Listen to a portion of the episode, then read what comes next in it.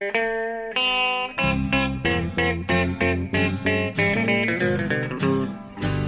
out there, we're on the air. It's hockey night tonight.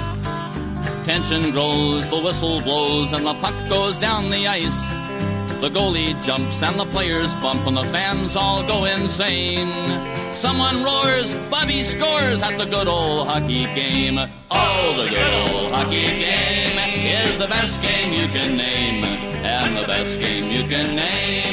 Hallå, hallå, hallå, hallå, hallå, hallå där, hallå, hallå, hallå, hallå, hallå.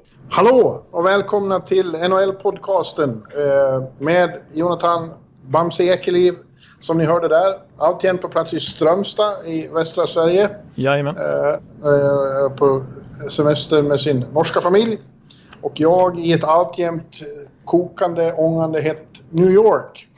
Och vi ska spela in vårt 293 avsnitt. Och för första gången på fyra och en halv månad så är det eh, en podd som spelas in med action pågående. Ja, precis, exakt. Nu är det ju faktiskt, nu tittar vi på hockey igen. Och rent bokstavligt talat kan vi säga för att just nu, ja nu är det paus visserligen, men det är paus mellan första och andra perioden i Minnesota mot Avs i träningsmatch helt enkelt. Det kommer igång här om natten när vi spelar in det här. Nu, nu har vi äntligen fått börja se hockey igen. Ja, eh, det känns faktiskt nästan lite eh, chockerande. Det har varit alltså totalt stiltje. Ingenting att bli road av eller stimulerad av eller engagerad i. På, på fyra och en halv månad sedan mitten av mars. Och så plötsligt brakar det bara till här med träningsmatcherna inför return to play-given. Vi hade de tre första matcherna igår, måndag, igår tisdag och idag bara brakade till med sex matcher. Och det är, från, det är liksom nonstop dygnet runt är det plötsligt hockey. Man blir helt omtumlad efter att ha legat i det på det sättet. Ja, exakt. Precis. Det, det är på gränsen till för mycket hockey, eller på att säga. Nej då. Ja. men, man, men det är knappt som man har möjlighet att se allting. Alltså, nu vill man ju Ja, se det... allting. Man är så spänd på lagen. Till och med du som brukar snacka lite skit om Minnesota, tycker jag. Eh, nu är man till och med sugen på att se dem. Liksom. Man vill se Arizona, man vill se Nashville, man vill se PP-kedjor, man vill se allt möjligt, hur liksom formen på spelarna. Ja, men det blir nästan eh, lite overkill på, på samma sätt som när, när människor som har, har varit utan mat, som har svultit, får man inte bara ge dem en brakmiddag på en gång. Nej, nej, det är lite så. Det är en ganska bra jämförelse faktiskt. Man, men det är bara, det är bara att ta, ta det här nu. Du fortsätter Frossa. imorgon torsdag. Ja, och, och, ins, och, och som de säger, för mycket av det goda är underbart. Ja. Sen får vi en ledig dag fredag och sen är det ju allvar direkt på, på, på lördag då. De första play-in-matcherna. Ja, precis. Då är det verkligen eh, full fart direkt och allvar direkt. Det är inte liksom grundseriematch 1 utan det är ju faktiskt play-in till slutspelet. Bäst av fem matcher. Ja, Det är liksom matchups och, och eh, liksom psykiskt krig höll jag på att säga och fysiskt krig direkt. ja. Och eh, ja, jag måste säga att jag, jag Det var ju några veckor sedan här jag lät väldigt eh, dyster och, och inte såg fram emot det här så mycket. Men nu, Nej, det var inte bara nackspärren utan det var... eh, var nu är det verkligen... Ja, jag, känner mig, jag känner mig extremt peppad faktiskt. Eh, Dels för att ja, vi är här nu, men det har ju också visat sig... Det är två saker som har, har blivit eh, tändvätska på redan brinnande bjurre. Ja, Eh, och det var ju ett konstigt uttryck. Men, ja eh, du får utveckla. Ja, eh, men till att börja med så var jag lite befarade innan vi hade sett de första matcherna att eh, jag undrar hur det här ska bli med tv-sändningarna. Därför att eh, baseball här till exempel har inte varit så kul att sitta och titta på tomma läktare, öde, tyst. Nej. Och det har inte hjälpt. De har ju haft såna här cutouts, pappfigurer som sitter på läktarna precis bakom eh, Ja, pitchen. det. eller slagmannen. Eh, och det har varit jävligt torftigt att följa. Men eh, eh, till min, till min och jag antar alla andras stora glädje så, så har ju NHL och NBC då verkligen ansträngt sig för att göra det här till ja, så bra som det är. klart att det inte blir samma sak som när det är fullsatt arena och kokar och är elektriskt och så. Nej. Men, men utifrån de här förutsättningarna så tycker jag det känns som de har gjort det jäkligt bra. Första intrycket är, är av hur det kommer att se ut och kännas och, och, och låta och vara. Det är mycket positivt hos mig. Ja, jag måste nog hålla med dig. Visst, det är, det är lite annorlunda utan publik och det visste man det skulle vara. Det skulle vara oerhört konstigt annars. Men som du säger, det är ändå en rätt cool miljö tycker jag faktiskt. Det, är lite, det känns som att det är EA Sports 3-on-3-spel eh, ungefär. Det är någon slags arkadspel man sitter och lirar och flipp, flipperspel. Ja, men det, det, är lite, det är faktiskt en ganska häftig miljö de har byggt upp som känns som något extra. Det är inte den här klassiska träningsmatchkänslan, tomt och öde, man hör allt, alla. Utan det, det finns ju någonting där som ändå känns... De har gjort det snyggt med de har kamouflerat, eh, de har kamouflerat de tomma läktarsektionerna med, med skärmar. Mm. Och sen är det ju eh, eh, riktiga bildskärmar också som hänger några meter ovanför sargen runt, runt rinken. Ja. Det tror jag, eh, jag pratade med Patrik Hörnqvist efter Pittsburgh första det tyckte han var på plats och det är det häftigaste. Liksom. Det gav en tät känsla. Mäktig, ja, tät, precis. Det blir mycket kompaktare också. Ja. Men så har de också då, eh, åtminstone här i, i nordamerikanska sändningar så har de tankat in eh, ljud också då, publikljud. Ja, alltså jag, jag undrar om, om, det är, om det är, som jag har förstått det så är det inne i arenan också så att spelarna hör det, så det är inte bara i själva ja. tv-sändningen. Mm. Ja, det är sorl och, och jubel vid målen. Så kommer, får ju hemmalagen, de som officiellt hemmalag får ju ha sina målsignaler och sin musik och sånt. Liksom. Ja. Som du påpekade förra veckan, Columbus kommer ju ha sina kanoner med sig. Ja, det kommer mullra i hela, hela Scotiabank Arena. Liksom. Stort, eh, ja. Seth Jones slänger in ett slagskott. Ja, jag, ja och sen min... också då i och med att, i, i och med att tv-produktionsteamet där har sånt eh, obegränsat svängrum så, så lyckas de ju också med, med lite mer innovativa kameravinklar och så. Precis, de har ingen publik att ta hänsyn till längre så de har ju alltså, vad är det, över 30 kameravinklar de ska ha, 30 olika kameror helt enkelt. Ja, och än så länge håller de ju bara på och, och, och provar sig fram. Det här har ju aldrig gjorts förut så, så de här träningsmatcherna är ju liksom ett test och det här kommer förfinas ytterligare as we go along. Ja, precis, exakt. Så det här publikljudet är ju nytt nu och sen så som jag var inne lite på förra veckan som de inte har testat än men som det har pratats om som respektive klubb har skickat in filer till NHL med. Det är ju liksom specifika chants. Alltså, alltså det är det eller? Ja, ja, visst. Det är ju att till exempel när det, nu såg vi precis Tampa vinna med 5-0 vill jag poängtera dem mm. Florida i, i genrepet här. Och eh, ja, Tampa har ju skickat in filer då med Coach liksom och sådär. Som ska, som ska höras då. Mm. Men det gjorde det inte nu. Men, mm. Vad heter den långa ramsan de håller på med? Uh, I, believe. I believe that we. I believe that we can win. I believe that we can. Ja, den är ganska cheesy måste jag säga. Men det, det är i alla ja, fall... Kanske en... den, den kanske är med också. Mm. Ja, den, den, drar ju en viss sektion i Tampa alltid igång precis när matcherna börjar. Och Nashville, har de, har de med sig den You suck, it's all your fault. Ja, det, det påstås att det är skickats in nu. Alltså, Kemper, Kemper och Ranta, beroende på vem som står. Och så You suck, it's all your fault. It's all your fault. De ska spelas efter varje insläppt mål för Arizona. Ja. Och, och, så Tim McGraw då, I like it, I love it. Ja, den ska spelas då. Det, när, när du, ja, det är klart. Ja. ja. ja kul. Men, eh, och, och, och, nummer två då som gör att det också har... Eh, den här euforiska känslan har förstärkts är ju att eh, så far har det varit faktiskt exceptionellt bra träningsmatchhockey. Jag menar ja. träningsmatcherna på höstarna brukar ju vara så jävla tråkiga som man, som man får vaxproppar i öronen. Det, så är det faktiskt. Mm. Eh, men nu har alla har bara en match på sig. Det är i princip fullt manskap hos alla. Och, och de måste ju in i, i slutspelsintensiteten. Så de har ju kört hårt. Ja, ja visst. Det har varit eh, full fart. Det har sett ut som en ganska högintensiv grundseriematch skulle jag vilja säga. Alltså bättre ja. än i omgång 52. Ja, absolut. Eh, för att ja, nu, helt, helt För det är som du säger, de har mycket att spela för och de vet att eh, om de inte skärper till sig så kan de vara ute i den här bubblan om en vecka bara. Så att eh, ska, ja. de, ska de spela till oktober och, och försöka gå för Stanley Cup här så, så måste de hitta formen direkt. Det finns ingenting att, att vänta på. Och, och eh, emotionellt och, och känslosvall och, och elakt kan det helt uppenbart bli även utan publik.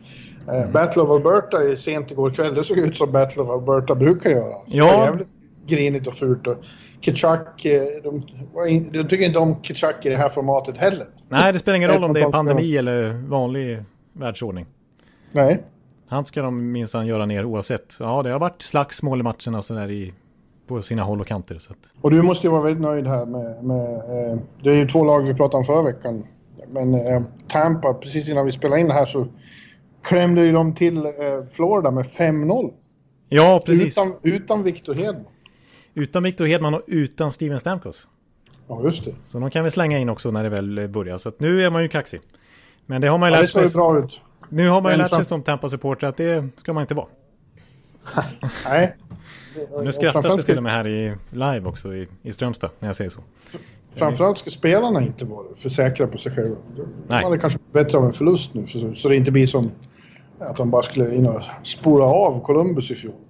Precis, då tog det ju tvärstopp när de för första gången på flera månader stötte på adversity. De hade inte torskat två raka matcher sedan november och så plötsligt stod det 0-2 i match efter första hemmamatchen. De visste inte vad de skulle göra. Så att, eh, jag, jag, är, jag är fullt förberedd på att det här kan eh, skita sig. Men framförallt så såg ju Florida väldigt bleka ut och eh, inte minst då vår vän Bobrovski. Ja. Igen, han var ju, han var ju kass. Ja, precis. Vad har hänt med honom? Ja, det är ju så osannolikt att det är ju en dubbel Vezina Trophy-vinnande målvakt som så sent som förra sommaren vid den här tiden ungefär eh, skrev på för 10 miljoner dollar per säsong i sex år till efter den här säsongen. Eh, Ja. Han är alltså näst bäst betald efter Carey Price och han är ju, ja, så som det såg ut i vintras så var ju hans statistik på absoluta bottenskiktet och ja, det verkar inte som att han i den här världen heller är speciellt vass. Nej. Blir han inte bättre under, under ja, snabbt, alltså, till helgen eh, och fortsätter på det sättet, då, kan vi ju, då måste vi klassa honom som säsongens stora flopp.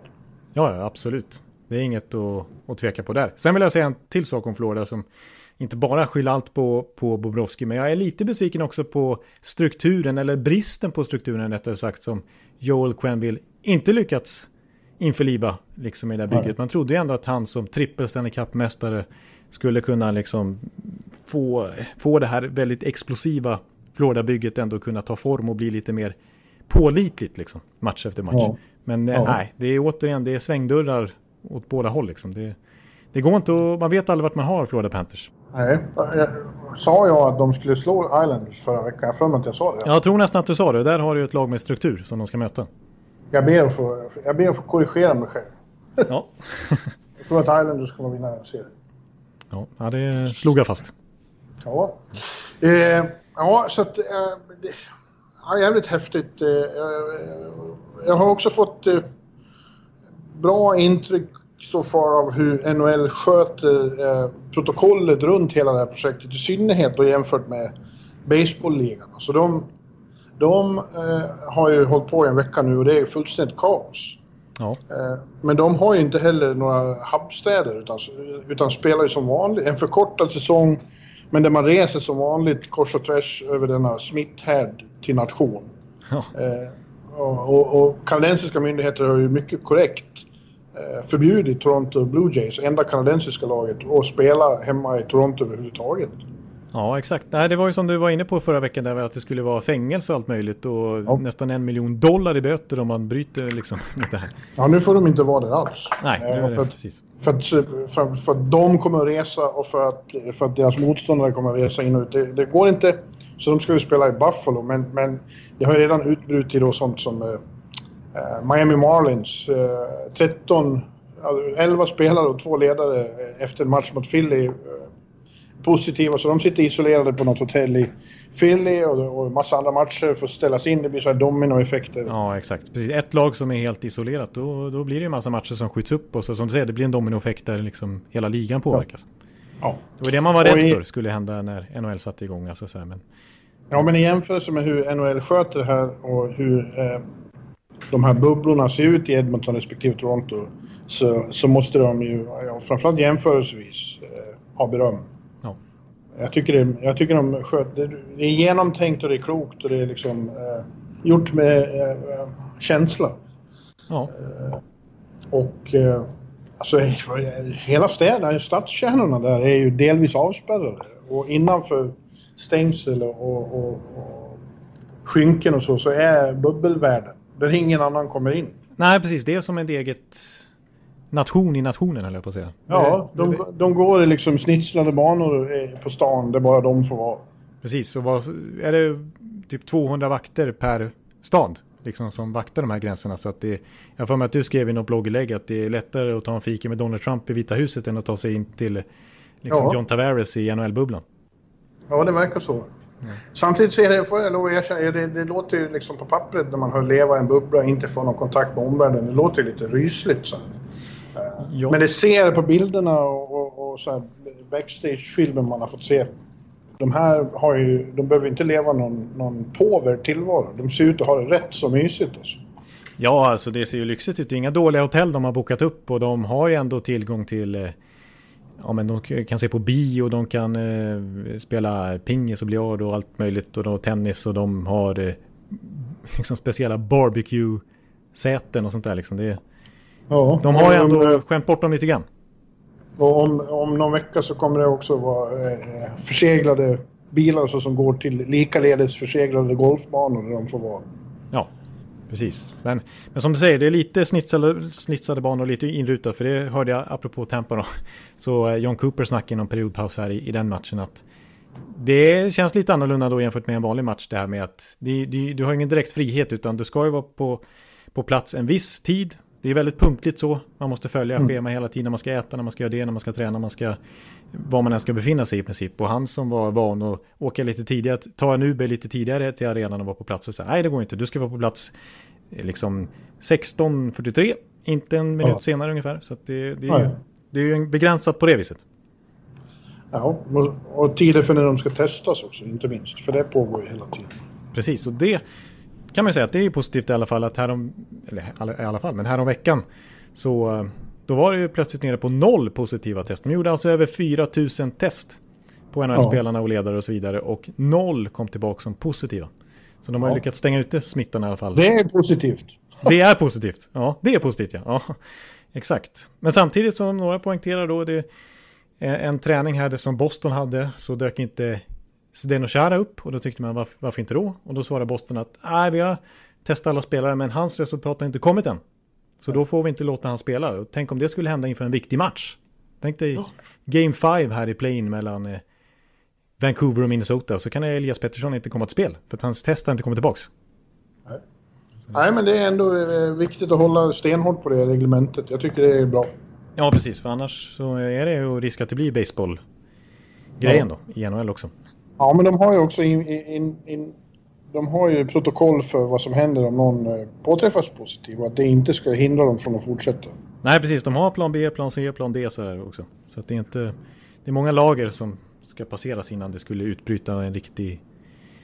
En riktigt jobbigt läge för NHL. So far, so good. Eh, och mina journalistkollegor, det är inte så många som är på plats nu då. Eh, bara, bara de som jobbar åt NHL.com är inne i bubblan. Ja. Eh, och får röra sig på samma sätt, får inte vara ute i omvärlden. Men även några andra eh, får, får ju utanför bubblan komma in och sitta på specialgjorda pressläktare långt ifrån varandra och så. Ja. Eh, men de blir inte testade och de får inte ha någon kontakt med spelarna. Mm. Och de berättar att upplevelsen är ju lite annorlunda när man är på plats. Då, då, då märks det ju tydligare att det är tomt än på TV. Ja, jag kan tänka mig det. Det är ändå en arena som normalt sett har upp mot 20 000 åskådare som är omgjort till något helt annat. Ja, men jag, jag känner ändå viss, visst vemod nu när det har dragit ihop sig och, och det sägs Stanley Cup, on the eve of Stanley Cup playoffs och så här, Att jag inte är någonstans. känner jag lite vemod och sorg över. Och för, för att kompensera det så har jag börjat bygga på en eh, hockey-shrine här i lägenheten som ska stå bredvid TVn. Ja. Uh, det är gamla match-jerseys, det är uh, en uh, sån här bubblehead med Henke. Det är alla finalackrediteringar från 2007 och framåt och plus en massa andra akkrediteringar och puckar och klubbor och grejer som ska... Jag ska bygga ihop en liten shrine där. Så det känns... Och så de bästa slipsarna jag brukar ha på Ja, just det. Den rosa slipsen måste det vara. Ja, absolut. Den, den, ja, precis. Nej, men jaha, du, så du är lite inspirerad av eh, NHLs fina kulisser och ska bygga upp en egen ja, miljö? Ja, ja. ja. Och sen har jag insett att jag måste liksom eh, vara noga med hur, hur det kommer att vara här i lägenheten så jag inte slumma ihop helt. Jag kommer ju vara här inne otroligt mycket. Ja visst, du är ju typ dygnet runt för du, du ska ju ja. skriva oräkneligt antal tecken NHL här de kommande två månaderna.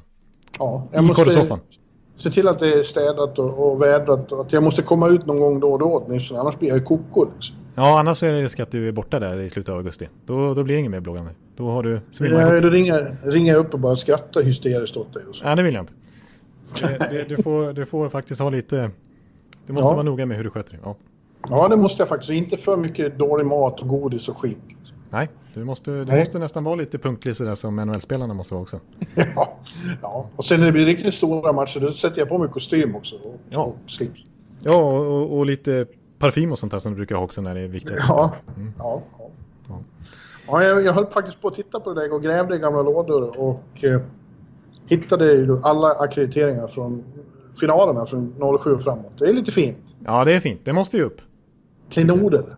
Och hitta gamla sådana från, från Atlanta Thrashers och sånt. Ja, ja du ser. Det måste och, upp också den, på, i dekorationen tycker jag. Och den från Buffalo som står Pert Bjurman. Ja, den är ju klassisk. Den har jag till och med sett live och upplevt. ja. Pert Bjurman på plats i Buffalo. Pert, Mr Pert. Ja, How you doing? Ja, det var kul. Mm. Eh, ja, men eh, så att... Eh, Eller New Jersey, Per Bjurman, Finnish Media. Ja, den också. Ja. Den ska också fram. Mm. Samtidigt hittade jag ett gammalt presskort som, från 90, 1984. Yes. Yes. Ja, just det. Det tycker jag såg. Ja, jag, den, tidningar. ja, eller, ja, Borlänge Tidning hette det då. Detta är inte, härmed intygas att Per Bjurman bevakar Rallikalia Cup för Borlänge Tidnings räkning. Och så var det biträdande sportchefen Carl-Johan Goth 11 7 1984. Ja, det är ju... Det är någonting det också. Den måste också fram. Det är, det är klassiker. Det är klassiker, ja. ja. Ja men apropå det, kupp och sådär så, så tänkte jag, liksom jag har fått lite sån känsla överhuvudtaget när det är mer sån här, bara två hubbstäder och sådär. Så det var lite kul tyckte jag i den här första matchen mellan Pittsburgh och Philadelphia när det gick till overtime. Och så var det ju snart dags då för Toronto och Montreal att spela. Och då såg man hur liksom Toronto-spelarna och Montreal-spelarna syntes liksom nedanför isen vid sargen och stod och tittade på. Det var lite så här som Gotia Cup typ. Eller någon sån ja, Ingare-cupen ja. man spelade när man var liten. Liksom att, Jaha, det, nu, vänt, nu är det vår tur. Snart ska vi få spela. Ja, de här ska bara spela klart först och sen ska vi få in på isen. Det, det är lite sån ungdomscup-känsla också. Men frågan är vad som händer nu då när det är slutspelet börjar och det blir förlängning. Då kan det bli förlängning fem övertidsperioder. Vad händer med matchen därpå då? Ja, det har jag tänkt på också. Var, jag har faktiskt inte riktigt något, eh, kommit till något svar det. Det måste ju finnas någon plan naturligtvis. Men det, ja, då måste de ju flytta fram och, och ha sig. För de kan ju inte bara bryta en match och bestämma sig för att avgöra på straffar om, om, om de går över tiden. Nej, så går ju inte. Nej, det går inte. Eh, och eh, riktiga övertidsdraman i slutspelet, det finns ju inget bättre. Jag tänkte vi ska se sådana nu. Ja, det, det är faktiskt, det, det, är ju faktiskt fantastiskt att det är ju det, är det som väntar här runt hörnet. Ja, snacka om himlen runt hörnet. Ja, det är verkligen himlen runt hörnet. Det, där har du. Nu har Avalanche eh, tagit ledningen med 3-2. Landeskog har gjort, eh, hängt en pärla. Ja, det var Landeskog som gjorde målet också. Jag har på matchen i bakgrunden här också. Donskoj, McKinnon, Landeskog. Ja, de, de, de kommer att bli bra. Ja, vi kommer in på det så småningom. Vi ska tippa den västra... Eh, ja, vi kommer inte in på Avalanche faktiskt. Vi ska tippa den eh, play-in-rundan där. Ja, precis. Vi kommer inte in så jättemycket på de här topplagen, vi var inte så mycket inne på dem förra veckan heller när vi pratade öst för att eh, visst de spelar en sidning men det känns inte, det är inte liksom riktigt samma dramat, dramaturgi ändå kring deras Nej. matcher som det är i de här eh, raka liksom plain face to face matcherna liksom. Men låt mig ändå säga att eh, när det gäller att tippa och, och, man funderar på hur det här ska gå, de, de här åtta lagen som redan är klara, de, de känns starkast. Liksom. Och, och, framförallt kanske då Boston, Tampa och så de fyra i, i, i väst där. Mm, Colorado. Känns, ja, Colorado. St. Louis. Mm. Jag tycker Dallas känns jävligt starka också. Ja. Och Vegas, Colorado. Vegas. Colorado, ja, ja. Det är väldigt bra hockeylag och de som ska upp om det här. Det är helt klart. Ja. Men du, eh, innan vi kommer in på, på eh, de västserierna så tänkte jag att vi skulle ta upp eh, eh John Sheika soppan. Vi ska komma in på Arizona när vi pratar play-in-serie, men jag tänkte att vi skulle prata lite, bryta ut ett segment, eget segment, segment om Arizona där, för det har ju stormat en hel del sen vi pratade sist, förra veckan. Ja, det kom en ovälkommen nyhet från öknen en vecka innan slutspelet eh, mm. om Arizona. Uh, och det är då så att uh, John Chaika, den unge general managern, har helt enkelt sagt upp sig och uh, en vådlig konflikt har utbrutit mellan honom och klubben. Ja, precis. Alltså, han eh, blir ju, ja, inte öppet, men en anonym källa till lokalmedia där i Phoenix har inom klubben då har sagt att, eh, kallar honom då för a quitter and a liar. Han har gått bakom, bakom ryggen på klubben och, och det här är skandalöst och det här håller på att bli riktigt smutsigt och det har pratats om att typ Gary Bettman måste gå in och medla här för att för den här, lösa den här konflikten mellan de här parterna. Men helt klart i alla fall som du säger att eh, John Sheika, han är, hans tid är slut redan nu i Arizona. Han har inte följt med då till Edmonton.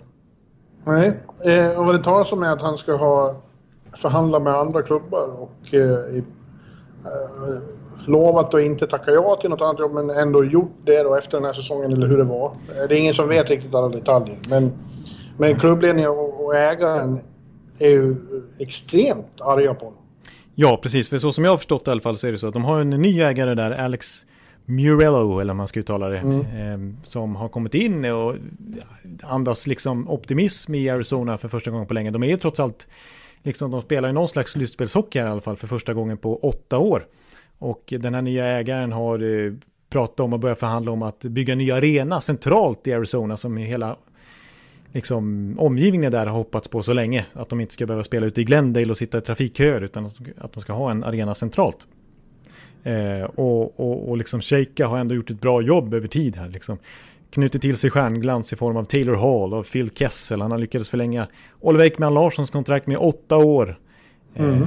de, han har format ett fantastiskt målvaktspar där med Kemper och Ranta. Och, eh, jag tycker det är väldigt tråkigt. Jag har, jag har tyckt väldigt mycket om honom. Han var ju ursprungligen känd som att han skulle vara liksom Mr. Eh, Fancy Stats. Ja. Eh, men det är inte riktigt så det har varit. Och, och, och jag läste nu att han är ingen särskilt stor hero i, i, i de mest akademiska kretsarna. Nej. Uh, det skrev, Greg Wyszynski skrev om det. Att, att, eh, för att han, han har aldrig publicerat sina analyser. Uh, sina statistiska analyser. Då, då räknas man liksom inte riktigt. Nej. Nej men... Uh, så, men så, jag, liksom, jag tycker han har... Jag har fått väldigt bra intryck av honom. Alltså han ska ju vara en otroligt liksom framåt och entreprenörstyp. Alltså för att redan som 19-åring så startade han sitt första företag och det var ju ett avancerat statistikföretag då som jobbar med mycket, ja som har etablerat sig och blivit stort i, i juniorhockeyn i Kanada. Mm. Uh, och nu utöver att han liksom blev general manager då, som 26-åring, yngst genom tiderna i NHL-historien, så ihop med sin fru så äger han ju nästan, ja jag tror det är över 10 olika hamburger, Wendys eh, eh, restauranger runt om i USA också. Så han, han, han, är liksom en riktig affärsman också. Och mm. åstadkommer ganska mycket liksom fram till 30 års ålder. Här. Men, och nu påstås som du, som du sa att han har pratat med andra klubbar och det ska ju, vad det har ryktats om är att det ska vara New Jersey. Ja. Och att eh, Eh, vars ägare i sin tur då eh, även äger Philadelphia 76ers i NBA och så Crystal Palace i Premier League och budar nu stenhårt på New York Mets i Major League Baseball. Eh, och att då Sheikha skulle få någon slags roll som överordnad roll för typ hela den ägarstrukturen kring analys och statistik kring alla olika sporter här. Kan de inte köpa Gävle IF också så det blir lite roligt för dig? ja, det tycker jag de kan göra. Vi skulle behöva en en, eh, både statistisk analys och lite pengar. Jag vet inte var den kommentaren kommer ifrån. Jag bara kom att tänka på Gävle IF. Ja, men det är mitt laget. Vi ja, kämpar på i division 1. Norra. Mm. Ni gör ju det. Ja, ja det, det, det, det, det går sådär. Men vi, vi kör på. Men, eh, ja, nej, så att... Eh, men det här, när, liksom, när man ska kontakta en, en general manager i NHL som har jobb om ett annat jobb som ändå har någon slags NHL-anknytning. För det, har ju, det är ju New Jersey liksom, som det påstås. Eh, då måste man ju få tillstånd från ägarna. Eh, man måste seek permission från klubben. Och ja. Eh, där sa ju faktiskt Alex Murello, nya ägaren, nej. Han är ju väldigt förtjust i, i Sheikha och hade förlängt hans kontrakt med tre år så sent som i februari. och var helt säker på att Sheikha skulle stanna i klubben länge. Nu blev det mål till eller? Nej. Inte mål? Bra. Ja, förlåt. Ja, att han skulle vara liksom Arizonas general manager en lång tid framöver. Men så går han bakom ryggen då och trots att han inte har fått permission att prata med ett annat lag så, så har han uppenbarligen förhandlat någonting. Och Sheikha väljer ju självmant då att hoppa av här eftersom att eh, det har blivit en ohållbar situation och att han uppenbarligen vill vidare. Ja, ja det, det är synd. Just som, just som intrycket har sjunkit in att, att Coyotes är en riktig klubb och, och värdig och så här. Ja. Efter alla år med tjafs så blir det så här igen. Och jag tror inte det är bra för laget men det ska vi återkomma till alldeles strax. Ja. Uh, först vill jag bara säga att jag hoppas att uh, Niklas Hjalmarsson trots detta uh, vill göra lite poäng under, under den tid han är med i det här slutspelet. Så han ingår ju då i mitt lag. Ja, ja. Mm. som jag väl skvallrade om förra veckan så är jag med i en liten pool här som heter Media Hacks. Heter vi. Ja, ja just det. Det är inte en officiell fantasy så som man kan hitta online utan det är ni själva som har skapat den. Ja, det är en privat. Det ligger en pott och så hade vi då en draft i söndags. Mm. En lång, långrandig historia för det var ju 18 med och vi skulle plocka 24 spelare var. Uh, en från varje lag. Man, får, man fick bara ta en per lag och en måste vara målvakt. Ja, just det. Och så räknar man bara poäng för utespelarna och vinster för målvakten. Ja, just det. Den som har samlat ihop mest då poäng, eller man ska säga, och, och, och vinster, målvaktsvinster, när hela slutspelet är slut, den får hela potten antar jag? Ja, det är lite uppdelat. Vi har faktiskt en, en, en delfinal först faktiskt här i play-in och uh, round robin. Ja, okay. uh, men alltså, ja, det var lite svårt. Jag fick inte något särskilt bra lag. Alltså. Nej. man skulle ha gått hårdare in på uh, Boston och Colorado kanske, de som man tror kommer, kommer vara med länge. Ja. Men den har jag Chara i Boston och jag har JT Comfer i Colorado pakett i Tampa. Nej, jag tror inte Mina... jättemycket på pakett här ska jag vara ärlig och säga i Tampa. Eh, det blir nog ingen Conn Smythe. Mina högsta val gick istället på, på uh, Zibanejad. Uh, Malkin var först. Ja, Malkin. Malk, Malkin, uh, Zibanejad, Huberdo och Nylander. Just det. det här innebär ju åker, åker Pittsburgh, Rangers, Florida och Toronto ut direkt så blir det jävligt tråkigt för mig. Ja, exakt. Då får du sätta hoppet till eh, Joel Farabee och till Andreas Athanasiou kanske. Och, och JT Comfer. Ja. Kulikov i Winnipeg. Ja, ja det, blir, det blir tufft. Det blir så när man kommer ner på eh, 23 rundan sådana gånger så är det inte så mycket kvar att ta i så, de lag man har väntat med. Då. Nej, just det. Det har inte halkat ner någon liksom Jakob Vorasek eller sånt där som du kan plocka upp. Utan det... Nej, men det, vi, eh, om man behöver inte sätta ihop eh, det måste inte vara ett visst antal backar och så, utan man bara, det är bara poäng, man hoppas på så mycket poäng som möjligt. Okej, okay, men då vet vi då att för framförallt Bjurmans skull, men även lite NHL-poddens skull här så, så ska vi eh, hoppas lite extra på Zibanejad, Malkin, Wilhelm Nylander, Jakob Markström med Vancouverkassen. Och Kulikov. Och Kulikov, och Kulikov ja, precis. Chara, Sundqvist, Paket, Comfer, Kempney, Faraby, Malkin, Nosek, Fogley, Radulov, Boychuk, Athanasio, Alexander Nylander, William Nylander, Wennberg, Viktor Arvidsson, Huberdo, Sam Bennett, Kulikov, Rask, Hjalmarsson och Kotkaniemi. Ja. Och som, ja, det är mina killar. Ja, precis. Och det, ja, det är högt och lågt, men det, det är det vi ska ja, hålla tummarna för. Det är, verkligen, det är verkligen högt och lågt, tror du. Ja, men du, då tar vi... Förra veckan tittade vi på Östplane-serierna och nu har vi väst. Ja. Och eh, det tittar vi först då på Edmonton Oilers mot Chicago Blackhawks.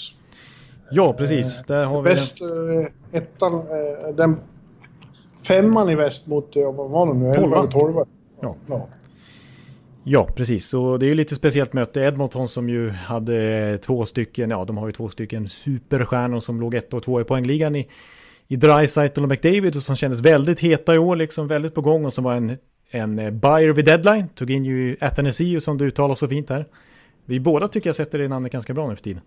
Och eh, Tyler Ennis och de tog in Mike Green som ju dock har valt att hoppa av av hälsoskäl och inte vara med i den här corona-bubblan.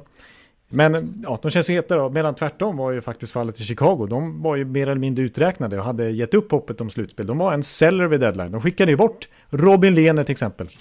Och Erik Gustafsson. Och Erik Gustafsson skickade bort också. Så att det är lite märkligt att de två nu möts i bara bästa av fem liksom och att Chicago faktiskt har chansen i alla fall att, att peta bort Oilers från slutspel. Ja, men jag tror faktiskt inte det. Jag, jag tror att eh, visst, de har en, en eh, delar av den här klassiska kärnan är fortfarande bra. Ja. Eh, och det är några fina plantor runt omkring dem som håller på att slå ut också.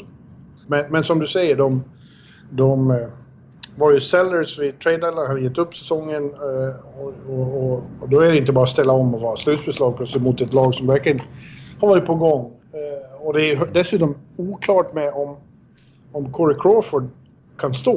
Och, kan han inte det, då är det då helt kört. Då ska det vara Malcolm Subban som... Ja, precis.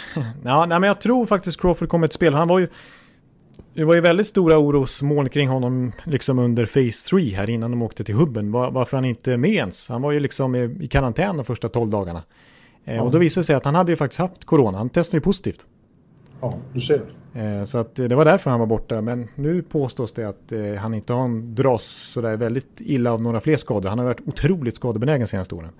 Men, eh, Covid Corey kommer de att kalla honom. ja, men nu finns det i alla fall inga fans som kan skrika på honom. Nej, men motspelare. Ja, det kan de göra, visst. Ja, visst. Covid Corey. Zack Cashen vet du, han känns kompatibel med att, att skrika sånt. Ja, samtidigt som jag, tycker jag Edmonton då, de, det har ju varit en väldigt fin säsong för dem och Tippet har, är väl den första coach på 100 år som har fått lite ordning på det här sällskapet. Det första, den första under McDavid-eran i alla fall. Ja, Eh, och, eh, eh, på väg åt väldigt rätt håll. Eh, spännande att eh, svenska rookien Filip eh, eh, Broberg. Broberg har, har tagit sig, alltså kom till den här specialcampen och tog en plats. Och är nu med i bubblan och spelade träningsmatchen mot Calgary igår när de också såg väldigt bra ut tycker jag. Ja, jag tyckte jag var imponerad av Edmonton. Verkligen. Eh, och absolut, och Broberg har tagit för sig som du säger. Han har gjort liksom drömmål på campen här när han åkt eh, solo från egen zon. Och bara kört på. Ja, har- Visa, inte visa någon som helst eh, nervositet och att det är liksom oj, nu har jag plötsligt McDavid som lagkamrat här. Utan han har ju kört på som att det vore J20 i Skellefteå. Och de, eh, ja, de, de, vissa journalister och sådana bedömare där uppe, de tar ju tungor om honom. Ja. Ja, precis. Alltså lagkamraterna och, och journalister som du säger och David Tippett som säger att det känns som att Broberg är så bra som komplett och så lovande så att han skulle kunna eh, lika gärna kunna bli en vass NHL-spelare som högerforward eller center eller som vad som helst. Han känns som en liksom helgjuten hockeyspelare helt enkelt. Eh, Så det är ju väldigt lovande. Så får vi se om han får speltid då eh, bland sex backar. Men att han är ju verkligen med och slåss om en plats nu och det hade man inte väntat sig. Ja, men sen finns det matchvinnare i Chicago visst. Taves och, Kane och, så, och Duncan Keith och så. Duncan Men Brinkat och Kubalik som du Men nu säger jag det här åt dig. Eh, Edmonton sveper Chicago, tre raka. Tre raka. Ja, Jag har skrivit upp 3-1 i matcher till, eh, till Edmonton. Det blir en kort tid i bubblan för Blackhawks. De sitter på planet tillbaka till Chicago på torsdag. Okej, så vi hinner knappt spela in en ny podd här innan de är borta. Nej. Ja, det är sant. Men du, jag vill bara säga eh, två lite fascinerande statistikgrejer med Edmonton. Jag måste ju få göra det, det, det är typiskt mig. Eh, Du får säga vad du mycket du vill. Ja, precis. Men det handlar om special teams då, som brukar vara viktigt i slutspel. Edmonton hade ju ligans bästa powerplay den här säsongen, nästan 30%, 29,5. När senast tror du ett lag hade så bra powerplay-statistik under en säsong? Nej, det törs jag inte ha några åsikter om. Nej. Du får sl- slå till eh, med vad som helst. Ett, ett Nej, jag Ja, du, ja, vad som helst. Du kan säga vad som helst. Nej, jag- nej. Be din hustru som sitter där och gissa istället. Ja, men hon vet tror jag, för att jag har, eh, jag har pratat NHL hela tiden. Så att ja, nej, det, är, det var faktiskt eh, New York Islanders säsongen 78-79. Är det sant? Så att eh, inte ens eh, ja, Gretzkys eh, era, under Gretzky-eran i Edmonton så kom de som bäst upp i 29,2. Men 29,5 som Edmonton har den här säsongen med Dreisaitl och McDavid, det är det bästa sedan 70-talet alltså. Ja. Ja, det, är inte så att jag, eh, det är inte så att jag blir mer skeptisk till mitt, mitt sve, sveptips här. Nej, precis. Och, och då måste jag bara slänga in det här också då, att eh, som man kanske inte tänker på att eh, Edmontons försvarsspel den här säsongen har varit lite sådär 5 mot 5, men i boxplay i alla fall. Tvåa i ligan i boxplay den här säsongen. Så Ja. ligans bästa powerplay, historiskt bra powerplay och så det näst bästa boxplay dessutom. Så att Dave Tippett, han har fått ordning på saker och ting som du säger. Ja. Kul. Jag, jag, jag, jag, eh, jag tror en del på Edmonton. De är, om Philadelphia är dark horse i, i öst så tror jag Edmonton är lite dark horse här i väst. Ja, precis. Kanske. Kanske, trots allt en fördel på något sätt att spela där i, i sin arena trots allt. Men nu, nu börjar en till match. Nu är det ju Washington-Carolina också. Ja, nu är klockan, ja precis, det är, klockan är så mycket Washington Carolina. Nu blir, det, nu blir det fullt upp här. Nu måste man nästan... Klockan slår, klockan slår. Ja, det laget ska vi inte lyfta fram. Avalanche har gjort ett mål. Ja, Vilka är det som sjunger den? Djurgården? ja det är Djurgården vet du. Ja, just det. Just det.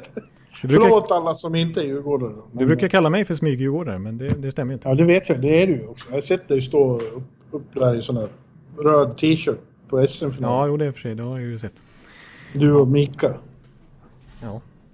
Mm. Ja, nu, går vi, nu går vi vidare till nästa serie. Det var lite off topic igen. Ja, ja. måste man ju ha ibland. Eh, jag, jag, det är nästan så jag vill vrida på min fläkt här en grad till. Mm. För det är fortfarande ohygglig värmebölja i New York. Ja. Det är så jävla hett så att, eh, och inte får man sitta inne och äta på restaurangerna heller i, i alltså på grund av pandemin då. Ja, I airconditioning. Utan jag var ute och åt lunch förut idag. Så, sitter ute på gatan. Jag trodde jag skulle dö faktiskt. Oj, det är så, så pass alltså? Ja, vad fan, sitta utomhus och äta när det är stekhett, det är ju inte kul. Det är inget gott. Man tappar aptiten. Ja, jag, jag förstår. Jag förstår. Ja, men då förstår vi att det brummar lite i bakgrunden då. Det är ju helt enkelt aircondition på, på hög ja. nivå. Ja, det är det. Ja, vi fortsätter med... Eh, na, eller hade du en till statistik? Nej, det var, det var de två, eh, boxplay och, och powerplay. Mm. Ja. Nashville, eh, Arizona har vi då. Arizona som vi just pratade om. Och eh, jag, jag, tror att det här som har hänt dem, det var ju ingen bra distraktion för laget i det här läget.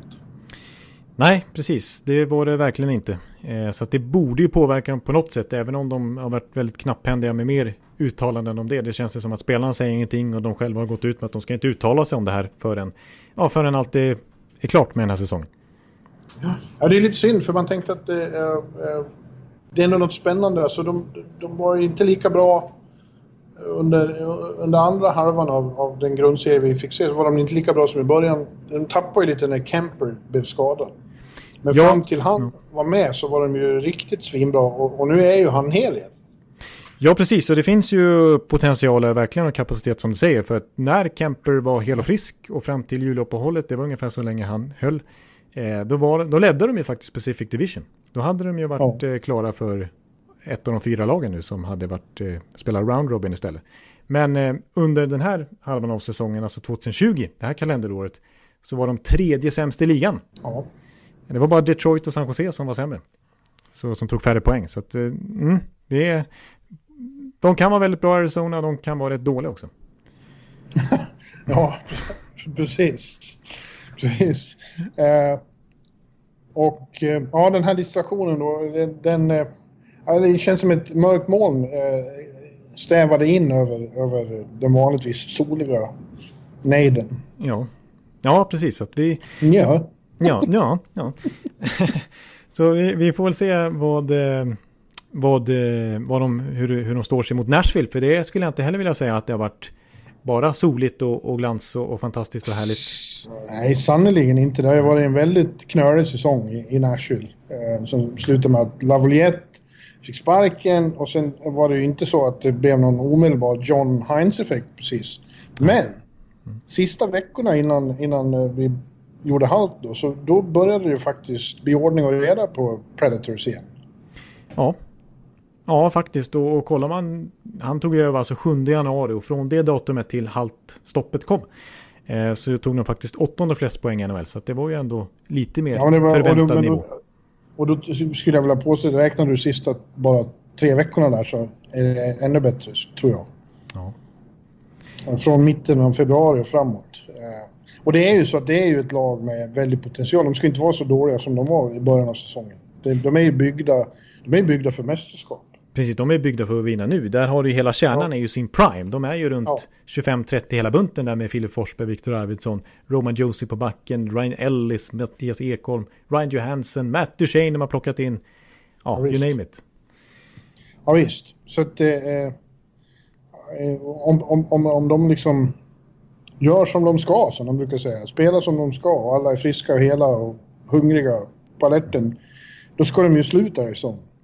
Precis, så de har ju ett bättre lag trots allt, får man säga. Jag gillar Arizona, jag kan komma in på lite ja, grejer som de gör, de gör, bra, men, men något som jag, får mig att tro att Nashville kanske passar ganska bra mot Arizona-laget, eh, det är att Alltså Arizona får ju väldigt mycket cred för hur bra de är på att försvara sig och lite mål de släppte in, eh, släpper in. Jag tror att de släppte in faktiskt tredje minst antal mål här i grundserien eh, den här säsongen. Och målvaktsspelet var ju fantastiskt, framförallt med Kemper men även med Ranta. Eh, oavsett vem de ställer i kassen. Men ja, tittar man lite på mina underliggande siffror här så de är inte så jättebra på faktiskt som man tror framför målet. Så här. De, är, de släpper faktiskt till flest skott på returer i hela ligan, eller i alla fall i absoluta botten där. Och de spenderar mycket tid i egen zon och de är ganska dåliga på att spela sig ur egen zon också när de väl återvinner pucken. Medan Nashville, deras spel går ju mycket ut på mycket skott, liksom ordentlig kraftig forecheck och liksom jobba fast pucken där. Och de i sin tur, jag tror de har flest eller näst flest rebounds, alltså få tag i näst flest returer framåt av alla lag. Så att medan Arizona är dåliga på att fånga upp returer i egen zon så är Nashville ett av de bästa lagen framåt. Det är mycket, mycket så deras mål ser ut, att de liksom jobbar in mm. trycker in den till slut. Eh, Sen det... verkar det som att några av dem mer framträdande där led av skador vi inte visste om. Till exempel Arvidsson blev aldrig helt åtställd efter den där fula smällen han åkte på. Nej, för han var ju inte alls sig själv. Alltså, förra året så hade han ju liksom samma målsnitt per spelad minut som Alexander Ovechkin. Faktiskt ja. förra året. Och i år var han inte i närheten av det. Att, Men nu har han läkt, läkt också. Det är mycket sånt man får ta hänsyn till nu. Många, många har hunnit komma tillbaka.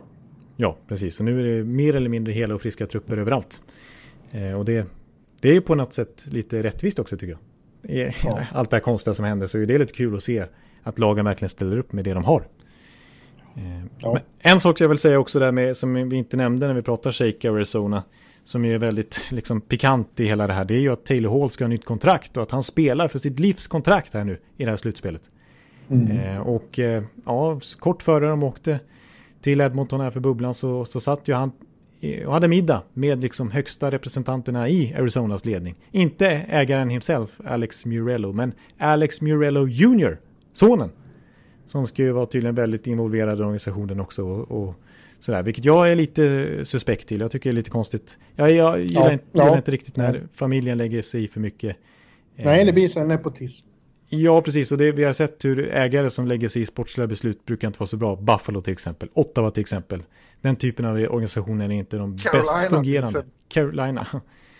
Ja, så att eh, eh, det tycker jag verkar lite suspekt. Dessutom har det gått rykten om att de, att de skulle vara sugna på att ta in Peter Chiarelli som ny general manager. Har du hört? Ja, morsning korsning. Och då kan jag säga att då kommer Taylor Hall inte stanna.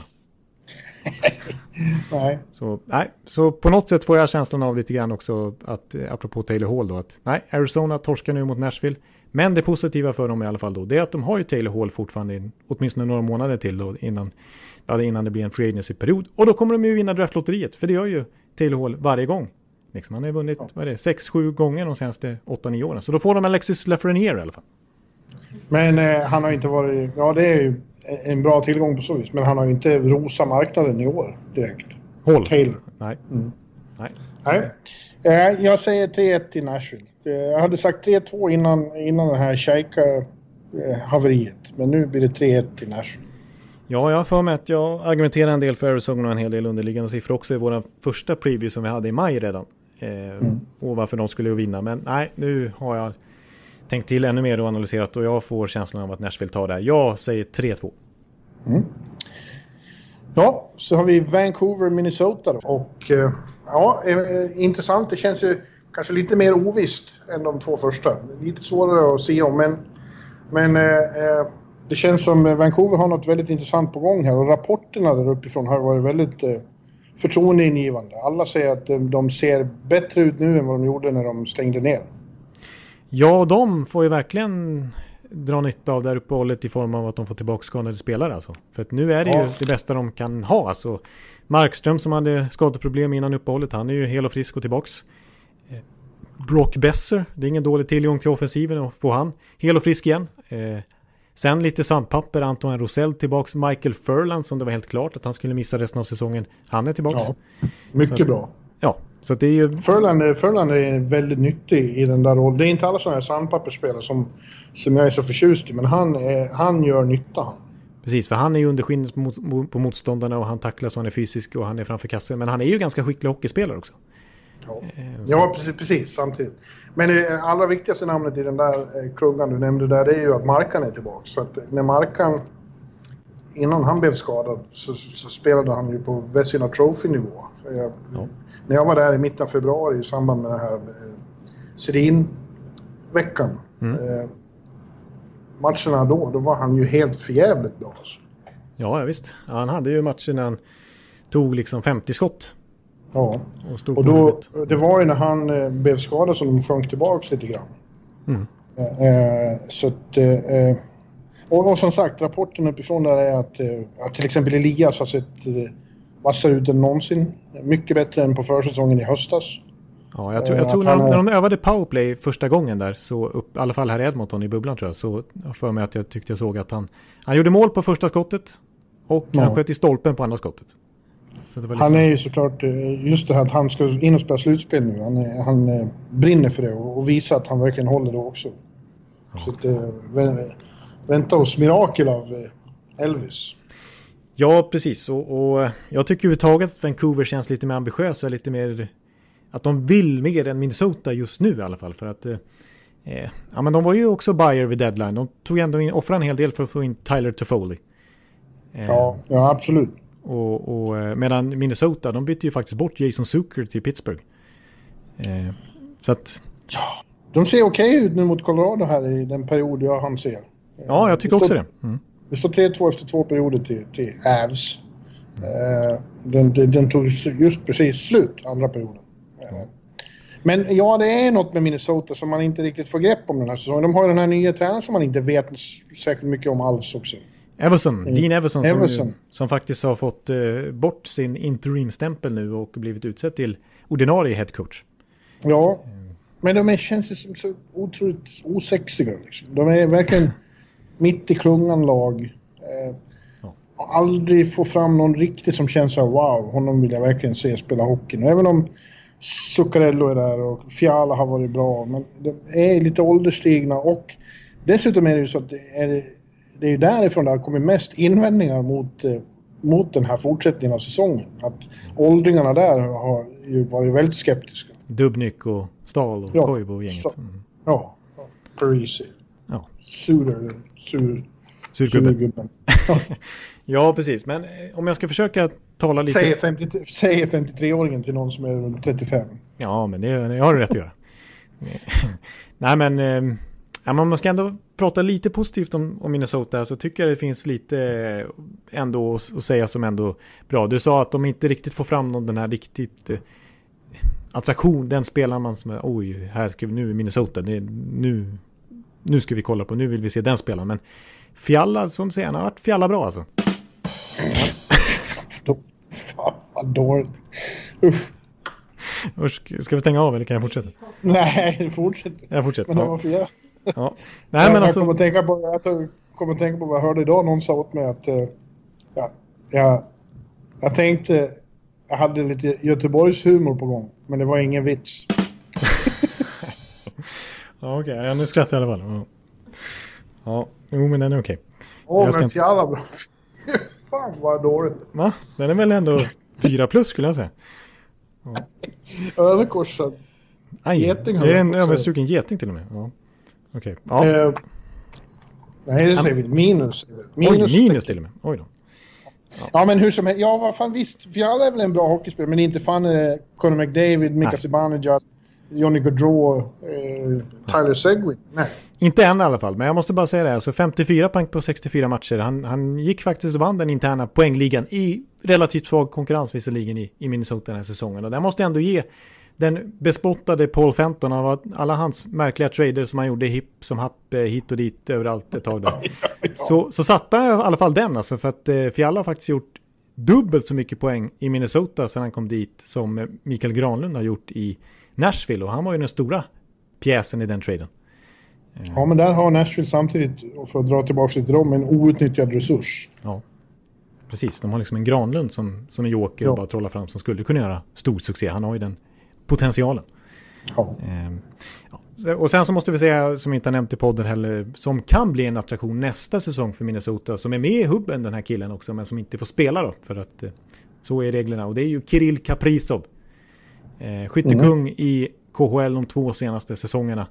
Och eh, kan eh, vara en ny Panarin. Vi har sett några ryssar komma över och väldigt hypade sådär men inte lyckats så bra på NHL-nivå. Men Kaprizov är ju verkligen en sån där stjärna som man har följt i VM och som ju verkligen har öst in mål i KHL under en lång tid nu.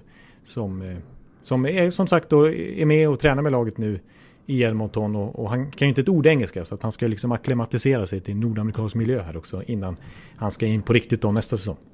Inte ett ord? Kan han inte yes och no? Ja, det kanske han har lärt sig. Men, jo, jag tyckte... Jag får med att han, han, eh, han kunde säga att han, I'm bad English, kunde han säga. Ja, ja. det är jag med. Jag är bad English. ja. ja, nej det tycker jag inte. Men bättre än Caprice ja. Ja, men visst, det låter väl bra. Men inte, det har väl ingenting att göra med om de kommer att ha någonting att säga till dem mot Vancouver nu. Nej, precis. Alltså, nej, det, det tror jag inte heller. Det var jämnt. Det skiljer bara en poäng faktiskt i grundserietabellen mellan de här två lagen. Trots att man har känt att Vancouver gjort en jättefin säsong och att man känt att Minnesota varit lite hit och dit och bytt tränare och så vidare. Ja, eh, de är ju lite bättre än vad jag trodde. Jag trodde att eh, konkurrensen i, i Central skulle vara för tuff för dem. Eh, men ja, det är i och för sig bara Arizona de har bakom sig också. Ja, men det, det som är grejen med Minnesota som gör att de ändå hänger i år efter år och liksom aldrig riktigt helt faller i botten. Det är ju att de har, alltså deras två första backpar är ju bland ligans absolut bästa. I Ryan Suter och Jared Spurgeon, otroligt underskattad back. Och så är det Jonas Brodin och Matt Dumba. Eh, det är ju fantastiskt gedigna backpar. Eh, jag tror jag sa det när vår preview-podd i maj där att Brodin, alltså etta i hela ligan när det kommer till att eh, stänga motståndarna från att komma in i egen zon. Individuellt sett. Att han har bäst statistik när det gäller till att motståndarna inte kommer in i egen zon, i, i hans Minnesota-zon då med kontroll på pucken. Det är ju en riktig merit, en fjäder i hatten för Jonas Brodin. Ja.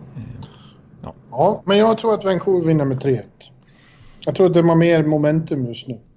Ja, jag, jag, jag känner att ett skadefritt, liksom ungt, hungrigt, ambitiöst Vancouver mm. eh, kommer köra över, eller köra över tror jag inte, jag har faktiskt skrivit 3-2 i matcher, men ja, kommer vinna den här serien i alla fall mot ett Minnesota som man inte riktigt vet vart man har. Mm. Och målvaktssidan ja. som sagt, Markström, alltså det blir Alex Stalock som står för Devon Dubnik är inget bra längre.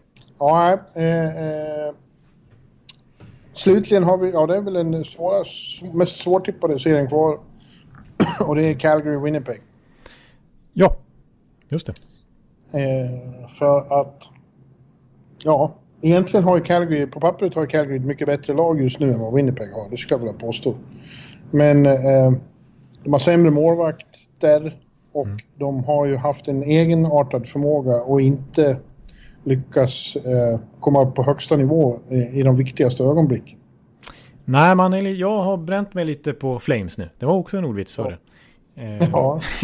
eh, några slutspel här. Jag har varit ganska liksom high kring dem och, och tycker som du säger, de har ett väldigt bra lag på pappret och de har, gjorde en fantastisk grundserie i fjol när de gick och vann hela västra konferensen.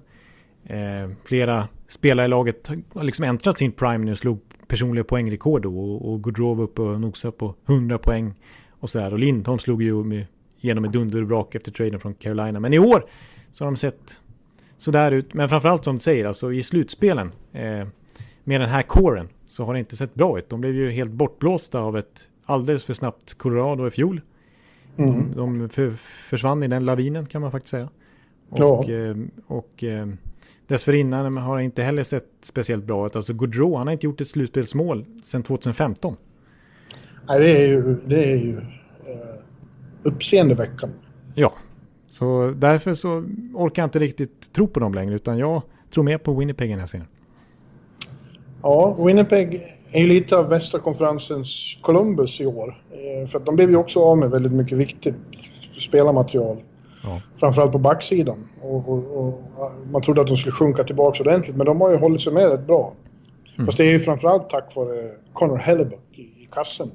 Vessina nominerad på goda grunder.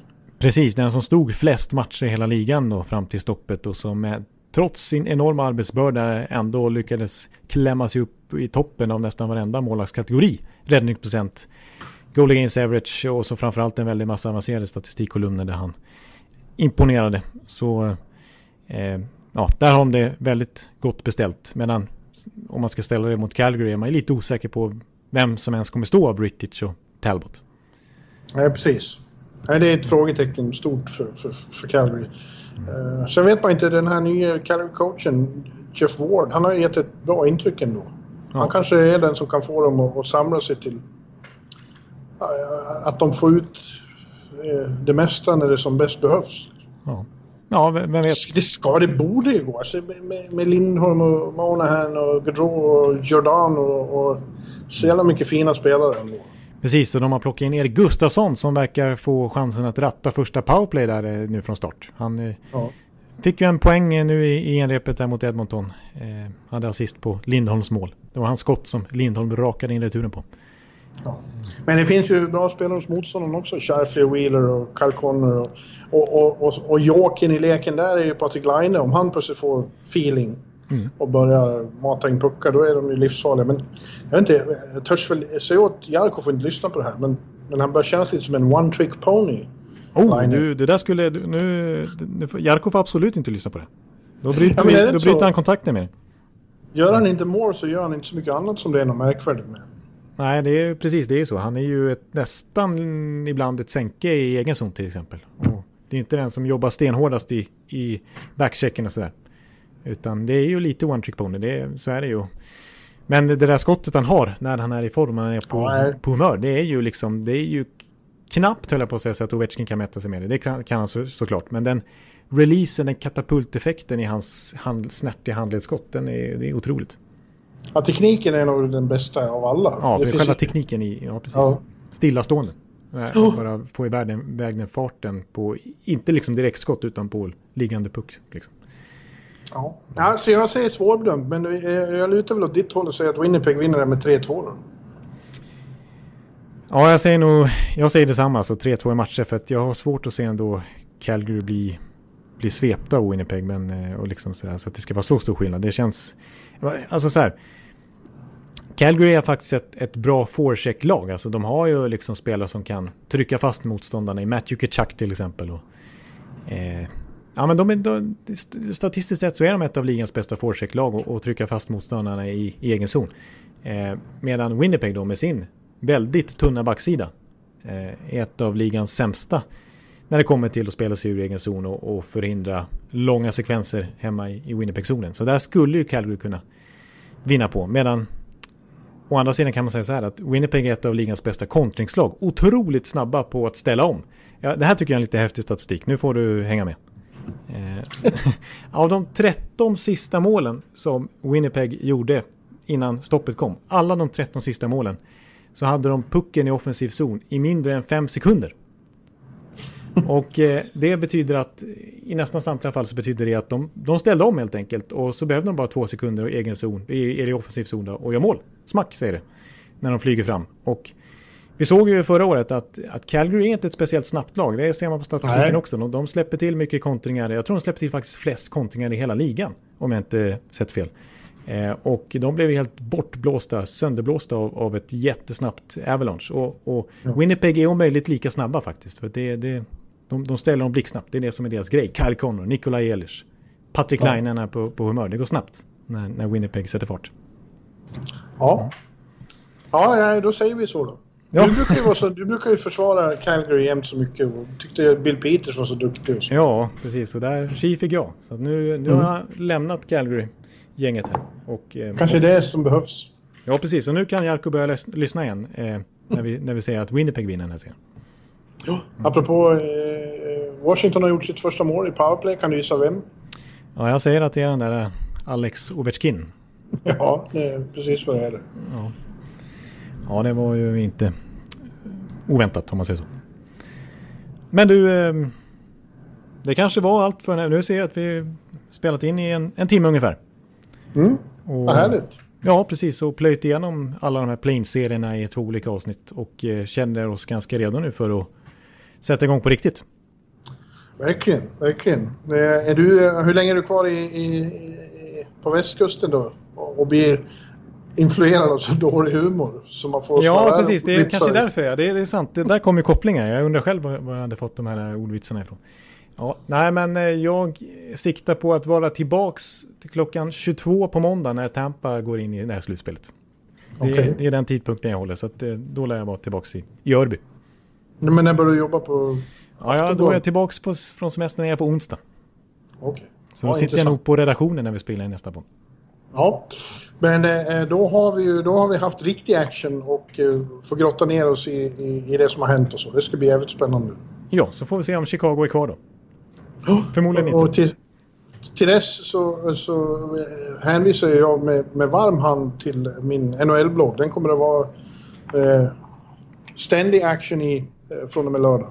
Ja, precis. Det, det kan jag bara hålla med om också. Jag ser fram emot bildbevis på hur det, hur det ser ut där i trakten, kvadratmeterna kring korresoffan och eh, tvn där. Min Shrine, ja. ja, ja. Jag plockade fram, vet jag har en, en gammal tröja, en, en gammal Vancouver-tröja, en sån svart med... med svart, gul, eh, röd? Ja. ja de är coola. Och den kommer att utgöra någon slags eh, grund här. Det, det är basen liksom? Så en bubblehead med Henke Lundqvist här, den blir fin också. Den blir fin också, ja. Keps från, eh, keps från eh, kvällen eh, när Lidström fick tröjan hissad i Detroit. Sånt. Jaha, ja det är stort. Mm. Ja, glöm nu inte bort bara Pert Bjurman och eh, även den här 84 eh, Borlänge-tidningarna. Eh, ja, just det. Brickan också. Den, måste... ja. den kan du se på Facebook. Ja, just det. Jo, bra. Mm. Ja, men du, eh, då tackar vi väl för den här veckan då. Ja, det, det gör vi. Tack Och jag tackar nors norska publiken där i Strömstad. Hoppas ja. ni har det bra. Ja, du får, du får, du får tack och hoppa, goda hälsningar här från, från Bjurman. Tack. Tack. Bra. Morsamt. Ja, det är morsamt. morsamt. Det är väldigt sån koselig här. Mm. ja, det är det. Ja. Ja, men, vi... ja, men bra. Då hörs vi nästa vecka. Ha en uh, utomordentlig avslutning på semestern. Ja, men tack detsamma. detsamma. Och eh, jag önskar all lycka i att sätta igång på allvar med, med NHL-bloggen och rivstarta. Tack ska du ha. Mm. Hej, hej! Hej, hej! Hallå, hallå, hallå! Hallå, hallå, hallå! Alex Chiazot, Joe Luis Arena och Esposito. Esposito. Uttalsproblem, men vi tjötar ändå. Och alla kan vara lugna, inspelningsknappen är på. Bjuder Hanna Kohl, han är grym i sin roll. Från korresoffan har han fullständig kontroll på det som händer och sker. Det blir ju allt fler som rattar in hans blogg. Och lyssna på hans podd. One, two, times speed, so Hallå, hallå, hallå. One, two, times speed, so Hallå, hallå, hallå. Ekeliv, som är ung och har driv. Verkar stor och stark och känns allmänt massiv. Han hejar på Tampa och älskar Hedman. Sjunger som Sinatra. Ja, och det ser man. Nu är det dags för refräng. Dags för magi, Victor Norén. Du är ett geni. Så stand up at home and remove your hats. Höj volym, för nu är det plats. One, two, times speed, so Hallå, hallå, hallå. One, two, times speed, so Hallå, hallå, hallå. One, two, times speed, so Hallå, hallå, hallå. One, two, times speed, so Hallå, hallå, hallå. Det är otroligt länge sedan båda samtidigt var så här bra. Hallå, hallå, hallå. Det är otroligt länge sedan båda samtidigt var så här bra.